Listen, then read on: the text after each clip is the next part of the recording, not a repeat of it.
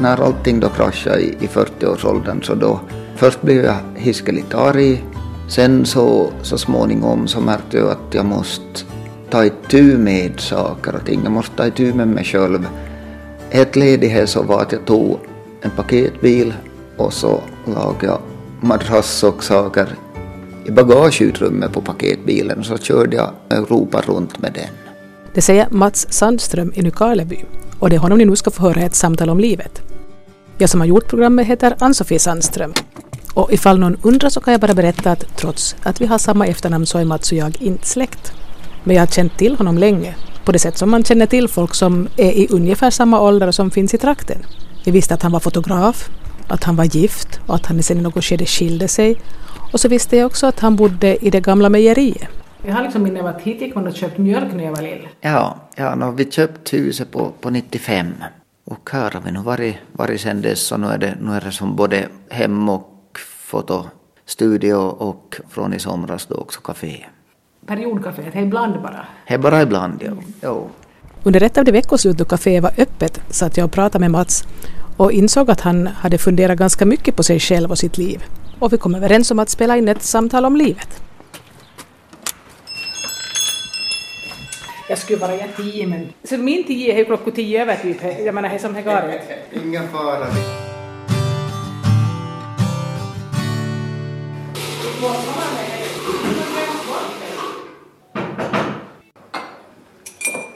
Du bandar liksom hela tiden.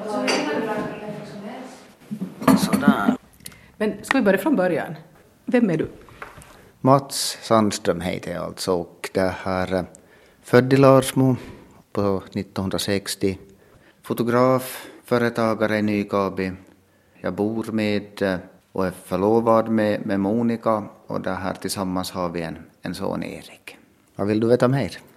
Var ni mycket syskon? Och... Jo, jag är alltså femte barnet i, i en familj med sju barn och vi kunde ju spela ishockey som Sandströmmarna mot resten av byn. Jag som har bara en bror så jag tycker det låter häftigt att man har ett antal syskon. Ja, alltså det är lustiga är det att, att det här som barn så upplevde man ju oss väldigt olika för att de äldsta syskonen var ju i alla fall så pass mycket äldre att min äldsta bror är då åtta år äldre än jag och, och, och yngsta brodern är, är fyra år yngre än jag. Så att eh, så det är nu i, i vuxen ålder och särskilt när nu de flesta börjar vara så pass vuxna och sansade så, som, som vi kanske, ja sansade är. Nu tittar jag, men att i alla fall som vi är idag så, så har vi mycket utbyte av varandra och vi har, vi har träffats, nu de här senare åren så har vi träffats mer än vad vi liksom har gjort på, på långa, långa tider.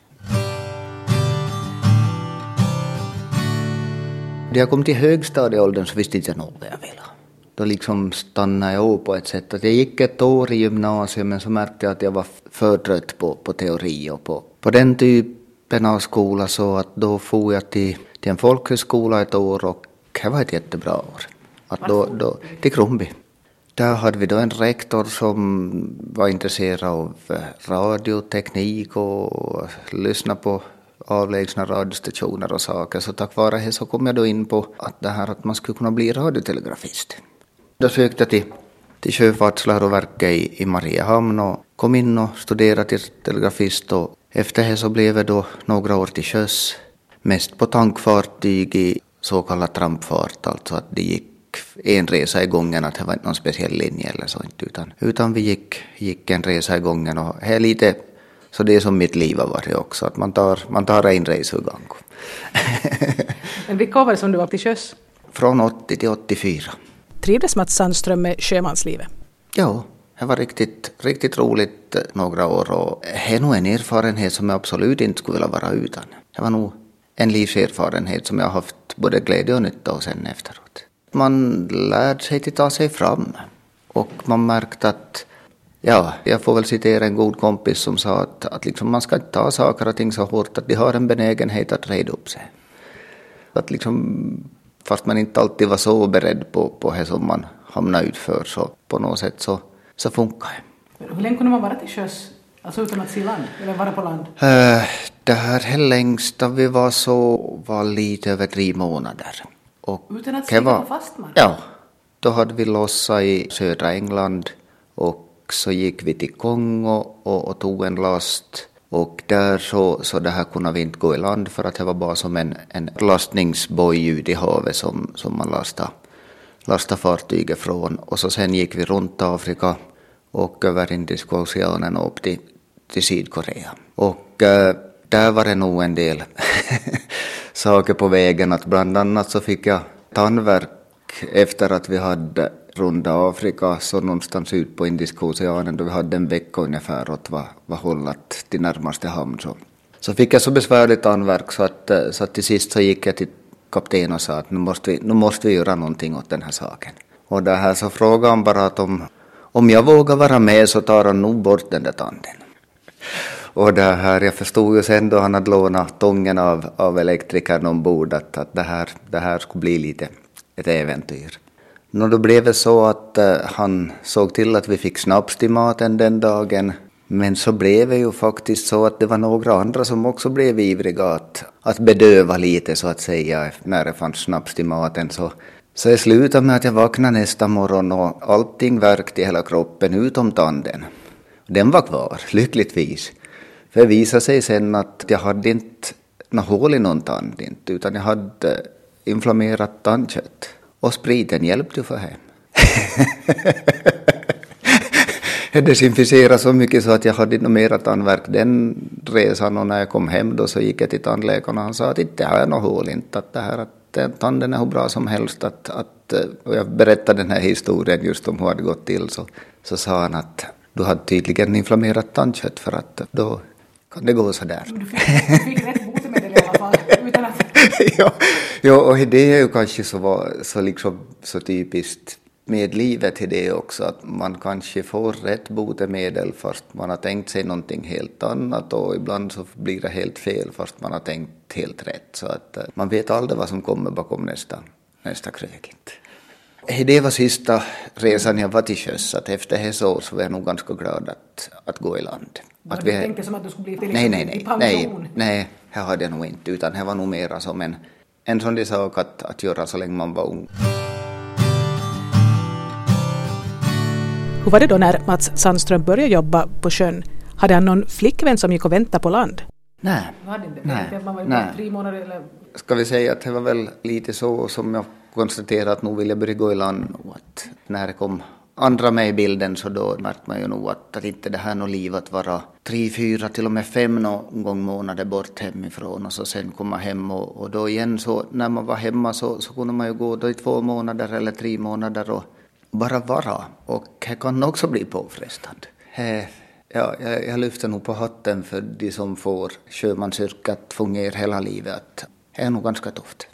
Så hade du då någon flickvän som då på slutet? Jo, det hade jag nog och det var, ja, vad ska man säga? Det var inte så lyckat, ska vi säga det första. jag blir alldeles tyst nu. Var det alltså den här människan som du sen gifte dig med? Eh, ja, alltså, jag har, både, jag har både gift och skilt mig två gånger. Så, att, så det beror på vem du pratar om. Men Hon som jag minns från Nykarleby, men kanske det här var någon annan då? jo, hon var min andra fru, hon som du Okej. kommer ihåg. Boucher, Ja, det är inte Nej, nej. För det här första förhållandet så är ett sånt det som är det här du vet, ibland så kan det bli att man måste reda upp saker och ting väldigt lång tid efter någonting har gått väldigt snett. Och det här är nog en sån sak som, som har varit lite jobbigt och har kanske varit som det som man då har tyckt att har varit så pass jobbigt att man har, man har skjutit ifrån sig.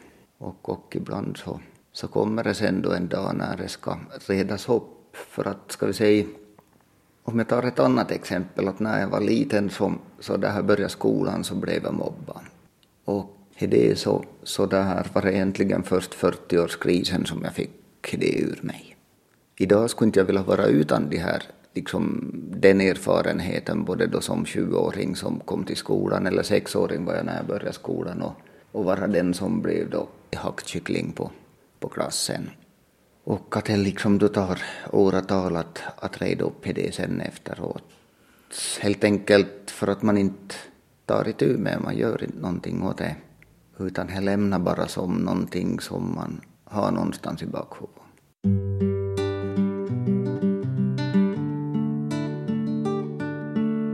Jag frågar Mats Sandström vilka saker de här mobbarna mobbar honom för.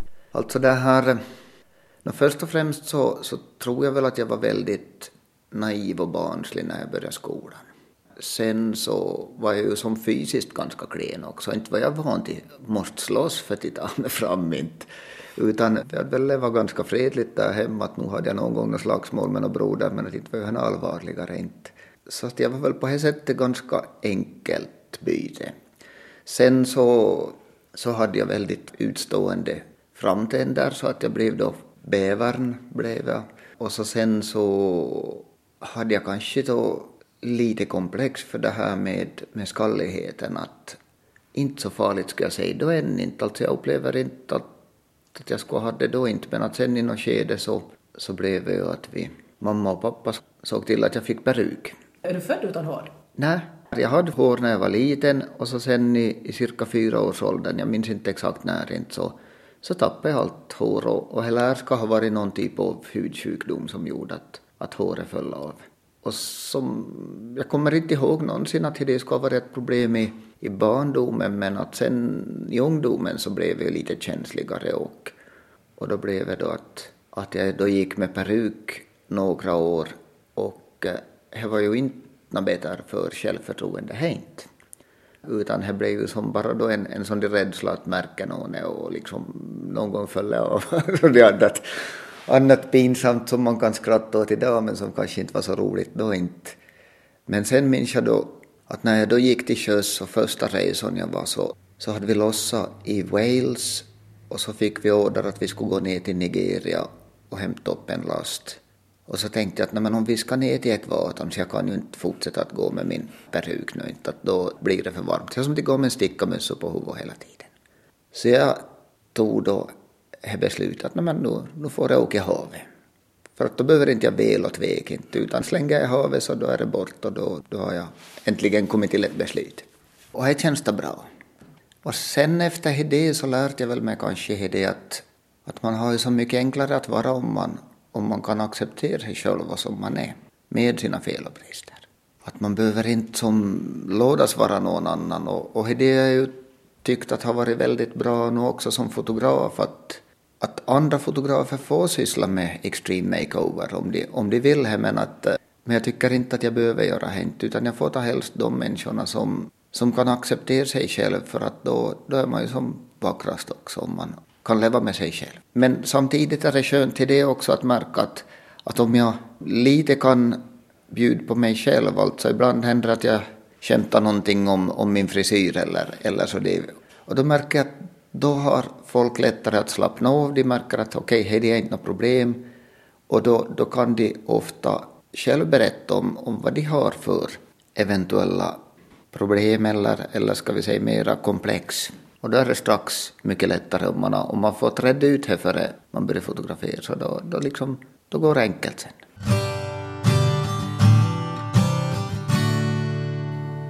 Vad var det då som fick Mats att på något sätt bearbeta det här med mobbningen mycket senare i livet? Alltså, när jag var strax före 40 så, så kraschade både ett och annat. Min bror och jag som hade det här företaget ganska länge lag så vi märkte till sist att nu hade vi kommit till en sån punkt att nu, nu kan inte vi fortsätta mer för att då, då var vi så trätande så då, då, liksom, då far också den här brodersrelationen att, att lyckligtvis så kunde vi hålla det skilt för, från varandra. Att, att, liksom, att vi har inte som någonting emot varandra, nu inte, men att det var väldigt jobbigt och vi drog åt olika håll inom samma företag. Så det kraschade. Och det här eh, äktenskapet kraschade.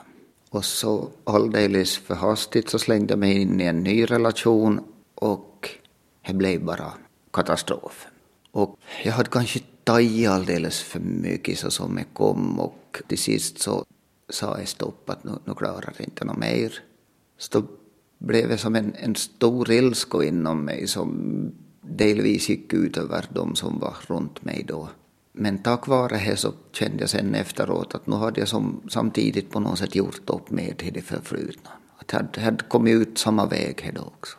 Så var lite samma sorts känslor, samma sorts upplevelser du hade som du på något sätt fick? Ja, ja att, att liksom att det var, de hade inte liksom någonting med varandra att göra men att det kan hända att, att så som jag var så var en produkt av vad jag hade varit med om som barn och när jag då äntligen tog mig ut ur det så blev det så pass dramatiskt liksom åt alla håll att då kom också de, de här gamla såren. De revs upp på nytt men att då lekte de äntligen. För att, du för att liksom... När, du var, när du var barn hade du bara lämnat bakom Ja, liksom. ja aldrig, aldrig liksom gjort någonting åt det inte utan bara levt vidare. Men, men sen då som sagt när, när allting då kraschade i, i 40-årsåldern så då först blev jag hiskeligt arg. Sen så, så småningom så märkte jag att jag måste ta itu med saker och ting. Jag måste ta itu med mig själv. Ett led i det så var att jag tog en paketbil och så lagade jag madrass och saker i bagageutrymmet på paketbilen och så körde jag egentligen Europa runt med den. Det var inte en semesterresa utan det var helt enkelt ett sätt att få perspektiv på, att komma ifrån vardagen här och få perspektiv på det som hade hänt. Under resan flera gånger som tänkte jag att liksom, vad gör jag här? Mycket fina minnen har jag från den resan också, en del vänskaper som har hållit i sig sen, sen dess. Men, men då under resan så förstod jag ändå inte riktigt, jag bara kände före resan att jag måste iväg härifrån, jag måste bryta den här vardagen och hit liksom hitta ett perspektiv, få tillräckligt avstånd från mig själv och vardagen här. Och så du får egentligen inte till någonting, du får från Jag får, jag får från det här, och både för att få vara i fred men också för att helt enkelt ta itu med mig själv. Hur länge var du mm. borta sa du? Åtta veckor. Det var någon som funderade att, hur jag har råd med det. Men så konstaterade jag bara att jag har inte råd till inte göra det. För att då skulle jag, vem vet om jag skulle ligga som ett paket på, på det här någon anstalt i så fall. I värsta fall.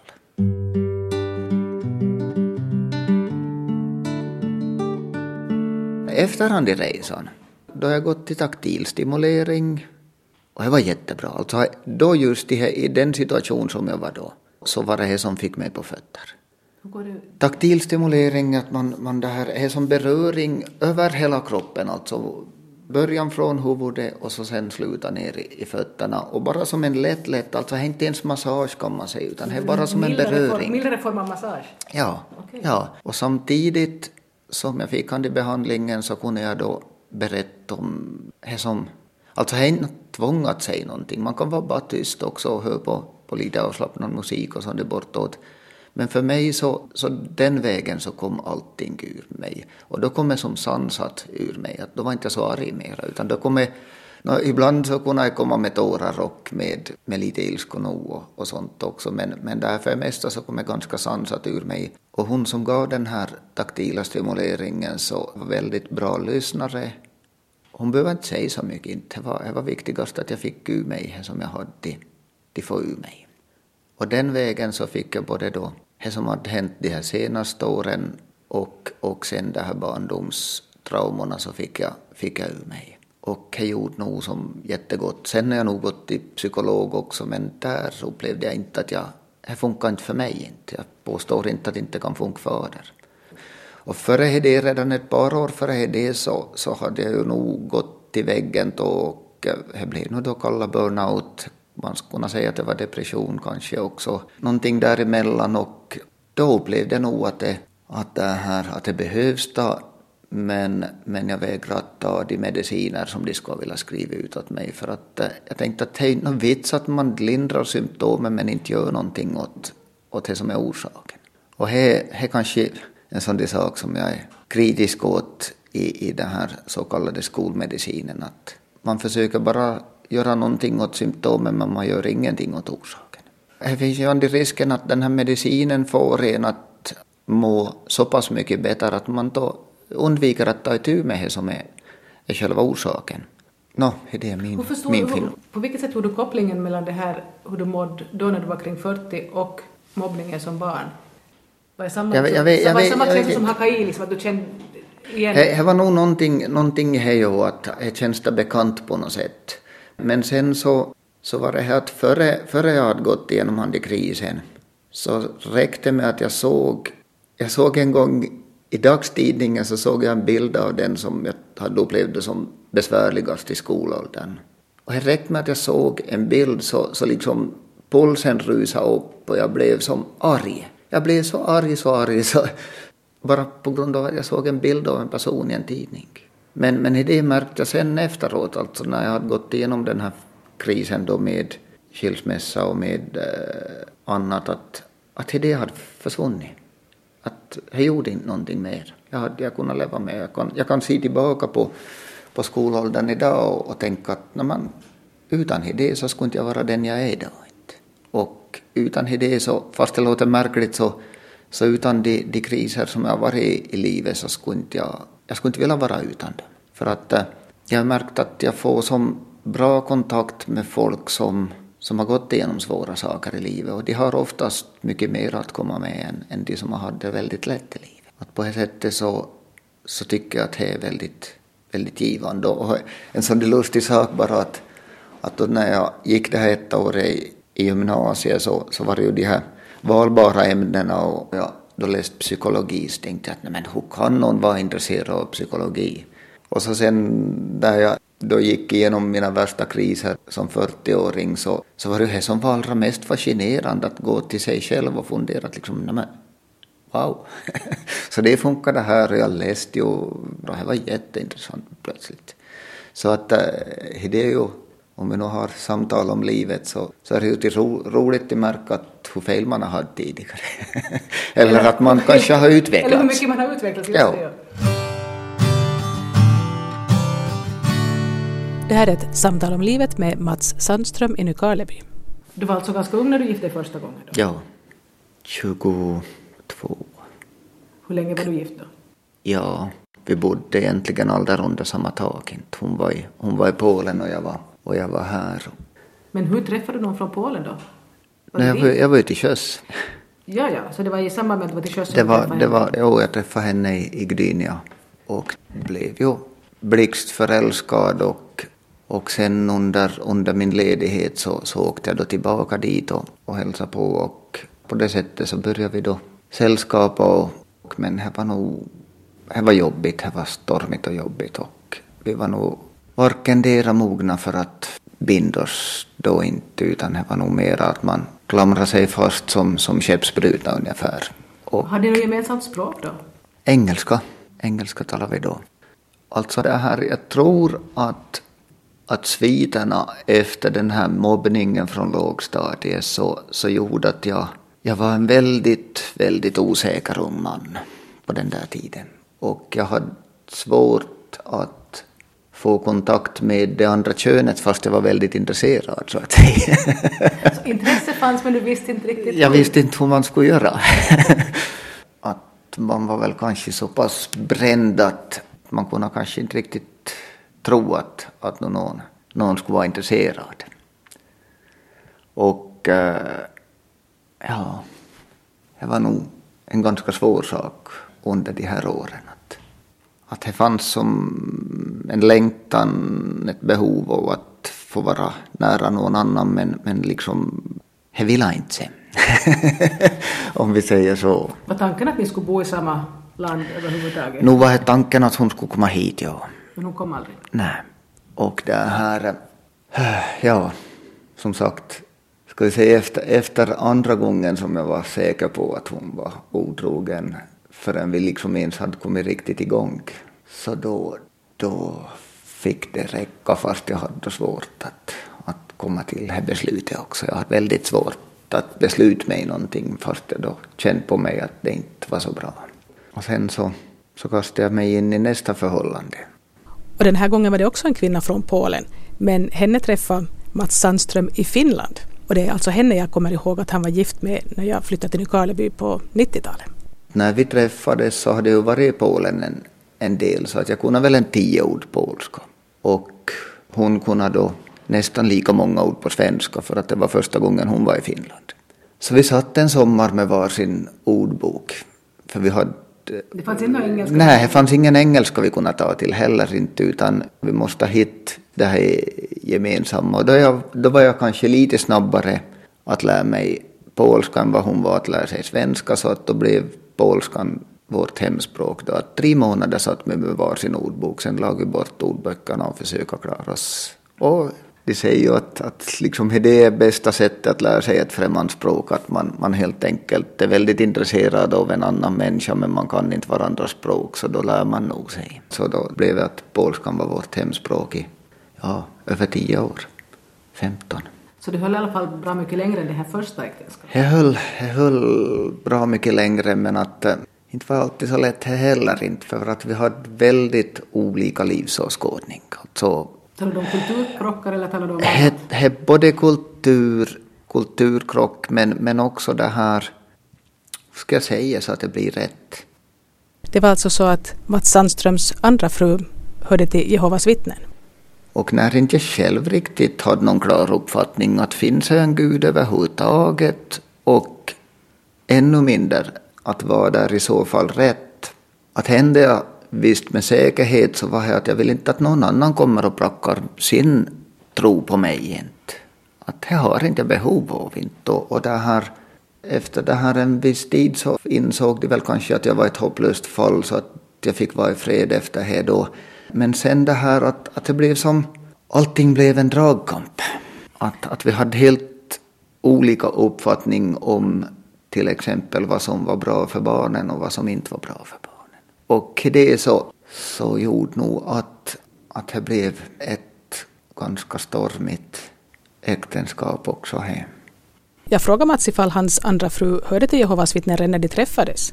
Då när vi träffades så, så gjorde hon inte det, utan det var sen efter en längre vistelse i hemlandet, så då, då det här, när hon kom tillbaka så då hade, hade hon då gått över till det här.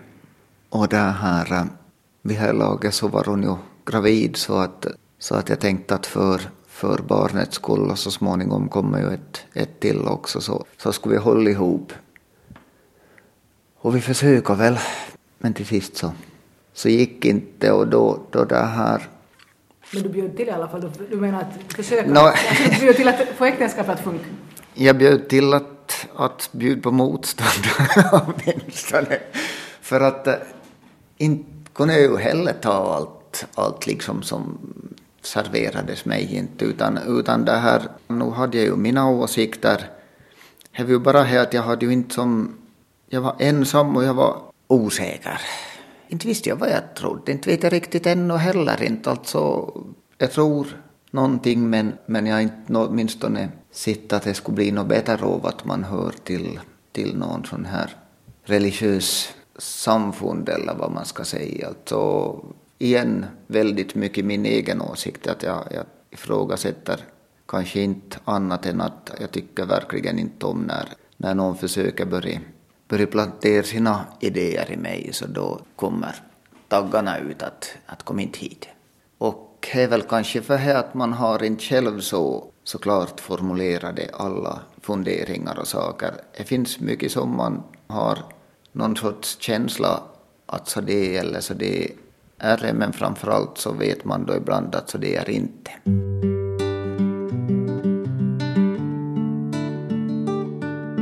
Jag frågar Mats Sandström var hans andra exfru finns idag. Hon är nere i Pargas med sin nya man. Och det här, hon lämnar kvar i Finland och ja, hon har sina orsaker, hon har sitt liv och, och vi har inte egentligen någon, någon kontakt numera men att lyckligtvis jag är glad att, att, det här, att jag har kontakt med sönerna. Och förresten, när är de födda? Våren 86 och december 87. Så då, då det Vi kom ganska tätt. Ja ett och ett halvt års skillnad bara. Och det tror jag var bra för att de nog hade ganska, säkert ganska tufft det också med, med våra meningsskiljaktigheter och skulle inte jag släppt dem i något skede så skulle jag ha slitit dem i, i stycken. Rent liksom ideologiskt eller vad man ska säga. Vad är ju korkat egentligen. Men att det förstår man inte om man är mitt i Man tycker bara att man, man vill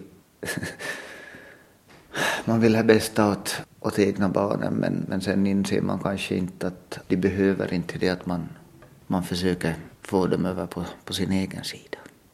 Jag tycker att vi har en, en helt bra kontakt idag. De har sina liv och som sagt sin, sin det här krets omkring sig som, som jag tror att de, de det här nog har det bra med.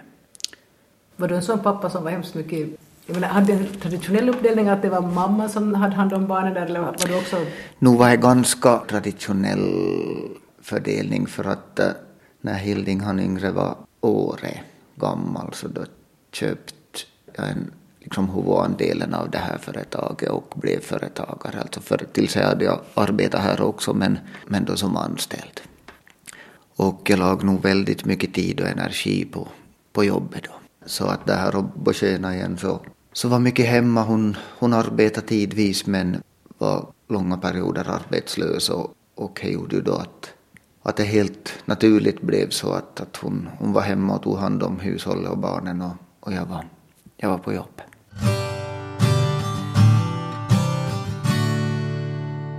Men när blev då Mats Sandström fotograf? No.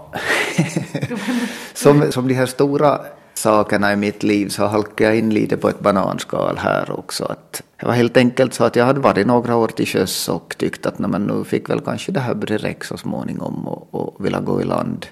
Och så visade det sig då att de behöver en person hit. Och på det sättet så kom jag in här. Alltså nu var jag uppåt och intresserad för det här men inte egentligen så aktivt som jag sen blev. Inte. Att, att det här, då var jag första fem åren här så hade jag i huvudsak hand om butiken, alltså att jag, jag där köpte in varor och stod bakom disken och sålde och, och sådana saker. Att det var först på 89 i januari som jag, som jag riktigt som på allvar började, började fotografera här så att det betyder ju då att jag har varit 25 år fotograf nu vid det här laget och 30 år i branschen. jag har nog utbildat mig, alltså jag gick på, på det här Visualivestinen institut i, i, i Tammerfors. Så har jag, Efter att du började jobba då redan? Jo, de här åren när jag, var, när jag hade hand om butiken så då hade jag som ingen, ingen formell utbildning som fotograf inte, utan den skaffade jag då första delen då i, i slutet av 80-talet och så sen så byggde jag på med, med sammanlagt fem års utbildning men att det var sån, sån då som gick att kombinera med, med jobbet. Var det här samtidigt som du hade ganska små barn också? Ja. Så du jobbade, studerade och hade familj? Jo, och det här första året som jag var pappa så då hade vi dessutom Brostugan. Och Brostugan är ett sommarkafé i Nykarleby. Att då var jag med och drev den men att eh, då märkte jag ju första gången egentligen i mitt liv att jag hade tagit på för mycket. För att, för att liksom när, när naglarna trasades sönder så då, då, liksom, då började man förstå att nu är det någonting som inte riktigt fungerar. Alltså he, he det här är för mycket. Att de liksom, de börjar spricka naglarna och det är nog lite och vi i perioder efter, efter det också. Men det började, det började den sommaren när, när vår första son föddes. Han föddes då dessutom med ett hjärtfel som, som ju inte gjorde situationen något no bättre. Lyckligtvis ingenting som måste akut åtgärdas men att förrän vi visste det då så var det ju en hel del och, och det här som, som sagt samma, samma vår så körde vi igång ett, ett första sommarkaféprojekt och så sen jobbade jag här så det blev lite tufft.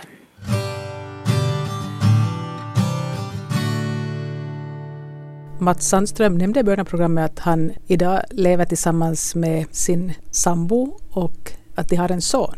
Så jag ber honom berätta hur han träffade sin sambo Monica Enqvist. Vi träffades här för ganska precis, eller snart blir det tio år. I maj så ska vi fira tioårsjubileum sen vi träffades och hon kom hit och intervjuade mig. För en tidning som inte längre finns, var det så? För en tidning som inte längre finns, ja, Norra Posten som hon skrev för då och ville göra ett reportage inför sommaren om, om fotografering och, och sånt och på den vägen är vi. Man kan ju inte undgå att märka att det är en viss åldersskillnad mellan er. Det är en viss åldersskillnad, jo. Att jag konstaterar någon gång att det är tur att, att hon är så mogen som hon är så att, så att hon klarar hon av mina barnsligheter. och ni har en son? Erik är fem, snart sex och det här, ja, det är roligt att vara pappa.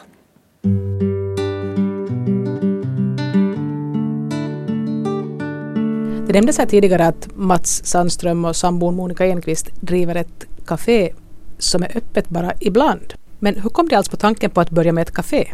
Det är väl lite en sån där sak att, att det här som kommer med åren också, att man tänker att men, nu har jag varit då 30 år på, på Billström och kanske skulle vilja göra någonting annat i sitt liv. Men som företagare är det inte så bara att, att liksom lämna allting och så säga att, nej, att nu kommer inte jag imorgon inte utan nu ska jag göra något annat. Utan då blir det att man måste hitta, hitta någonting, någon annan väg att, att helt enkelt göra. Och börja, då igen som jag sa att de flesta, flesta stora saker i mitt liv så, så har börjat helt enkelt bara från en, en impuls någonstans. Och, och nu i somras så var det så var det kultursekreteraren som tog kontakt och funderade om vi skulle kunna göra någonting nu när det blir det här det som tidigare var kulturveckan men som då heter nu Karlebyveckan nu för tiden. Att, att liksom, om vi skulle kunna hitta på någonting dit. Och äh, i det så fick mig då igen en gång att tända på alla cylindrar. Och, och vi satt nästan ett dygn och bara spåna idéer och det bara liksom flög idéer ur en och, och liksom massor som vi visste att det här kommer ju aldrig att bli så det kommer det aldrig att bli, men att vi, vi tänkte att vi börjar med att spåna idéer på det sättet att vi inte har några begränsningar, utan bara allting får komma bara som det kommer. Men sen så får man då försöka se att vad är, vad är genomförbart och så vidare, och så blev det här. Och det, det känns roligt för att eh, nu när det är bara ett veckoslut i, i månaden så då, då hålls det på en sån nivå att det är roligt Det är det att se minen på folk när de kommer in och tycker att men det här är ju trevligt. Folk kommer in här och det blir som ett sorgligt i lokalen att liksom folk sitter och pratar, folk verkar trivas.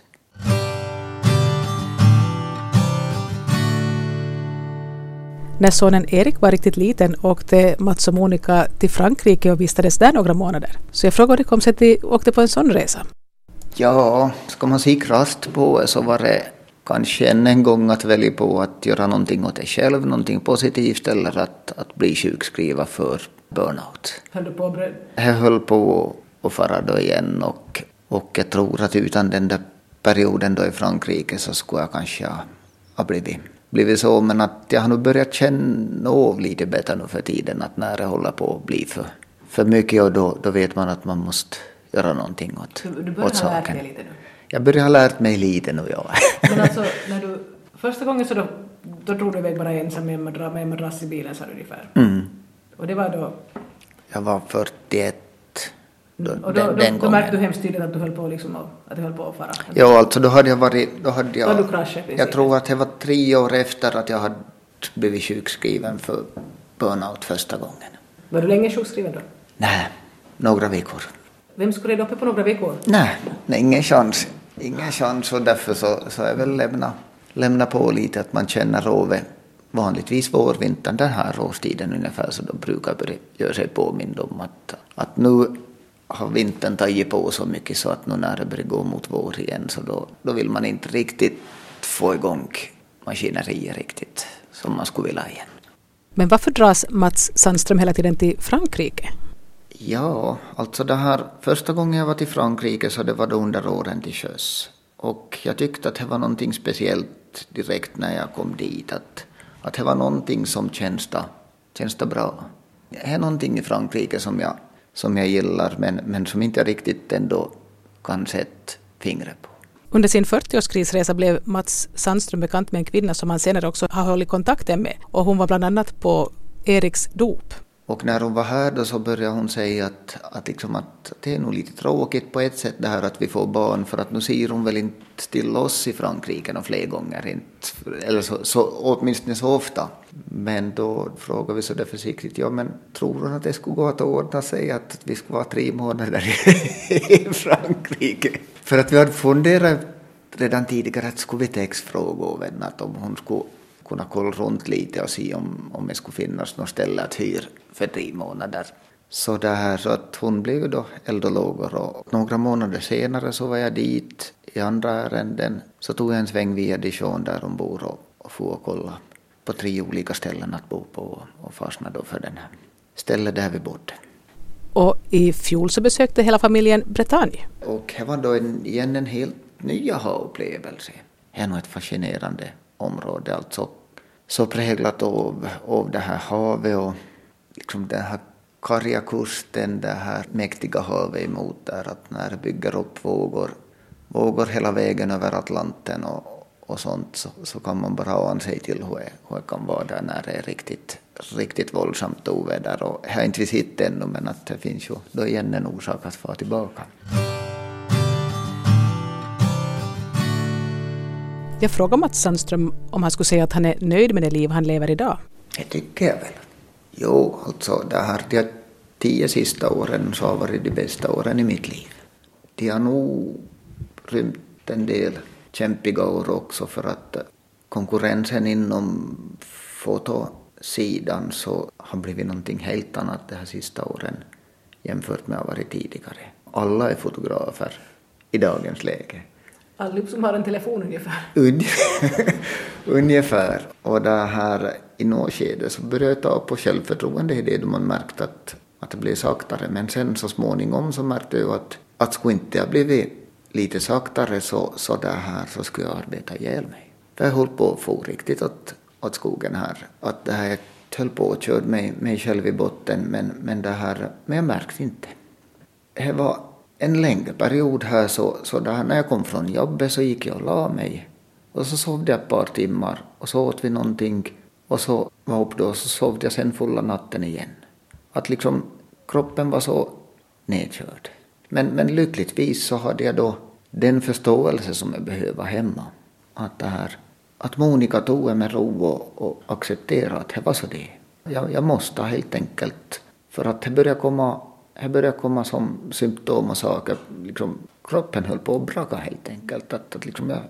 Ja, du tycks ju ha lärt dig i alla fall lite, att du har lärt dig att lyssna nu istället för att köra på för fullt. Då. Ja, efter några, några krascher så, mm. så det här lär man sig någonting att det tar sjukt när man kraschar men att det enda sättet att lära sig inte. Och, och ska vi säga att, att nu har jag varit liksom såna, såna där här dalar nu också de senaste åren men, men framförallt så har jag haft då förmånen att, att ha en partner som har varit väldigt förstående och liksom kunna ta det här att, att jag har mina sidor. Och jag måste ju nog som själv reda upp mina egna problem och sånt. Att det begär jag inte att någon annan ska göra. Men det att det finns en förståelse där som ger, liksom... som ger rum. Ja. Så har nog varit så värdefullt. Och det här och som sagt tack vare, tack vare det här nu då att jag, att jag har varit upp och nedgångar i, andra verksamheten så, så har vi ju hittat på nya saker att göra som då har givit någonting nytt och framförallt givit tillbaka ett visst självförtroende för att, för att liksom när det är något roligt när, när liksom hur man gör med när det börjar dala, när det börjar sagt ner. Och man undrar att liksom, vad har jag gjort fel nu? Vad, vad, vad, liksom, vad, vad är det som har hänt? Och då kan det vara som, så bra för självförtroende att liksom att få göra någonting annat och märka att nej men, det är inte mig jag är fel på nödvändigtvis utan det är helt enkelt, det är helt enkelt för det. Och då ger det en rum att göra någonting annat.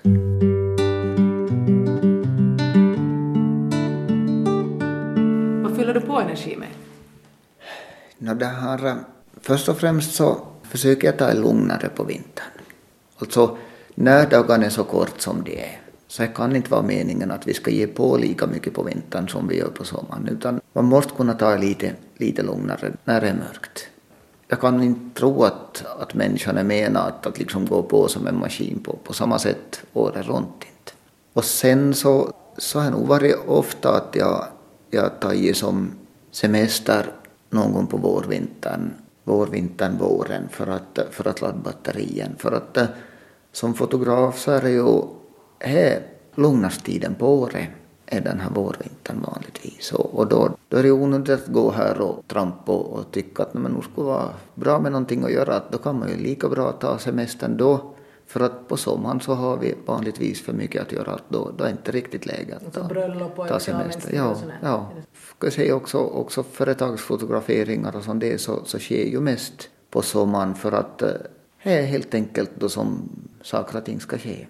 Så du kan finna dig att du tar så mycket ledigt på sommaren men du tar det på andra tider istället. Mm, precis. Och det är ju också en orsak att det har blivit mycket mellan Europa för att, för att om man har bäst möjlighet att ta semester i april, maj så kan ju vara lite grått och tråkigt i, i Finland men att, men att vanligtvis att kommer man ner till kontinenten så då, då är det full vår där och verkligen behagligt att vara på många sätt. Jag ber ännu Mats Sandström fundera över vilka saker han själv anser att ha format honom till den person han är idag. Vilka saker som har format mig? En lycklig barndom, Sen så var det kämpigt i början i skolan men sen så red det ihop sig också och sen efter det så har jag nu ställt till med ett och annat själv som kanske har varit jobbigt i livet och sen har jag trivts med det jag jobbar med och så har jag nog haft turen att, att hitta ett, ett förhållande där jag verkligen trivs idag.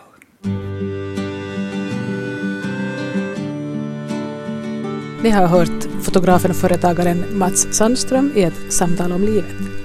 Och mitt namn är Ann-Sofie Sandström.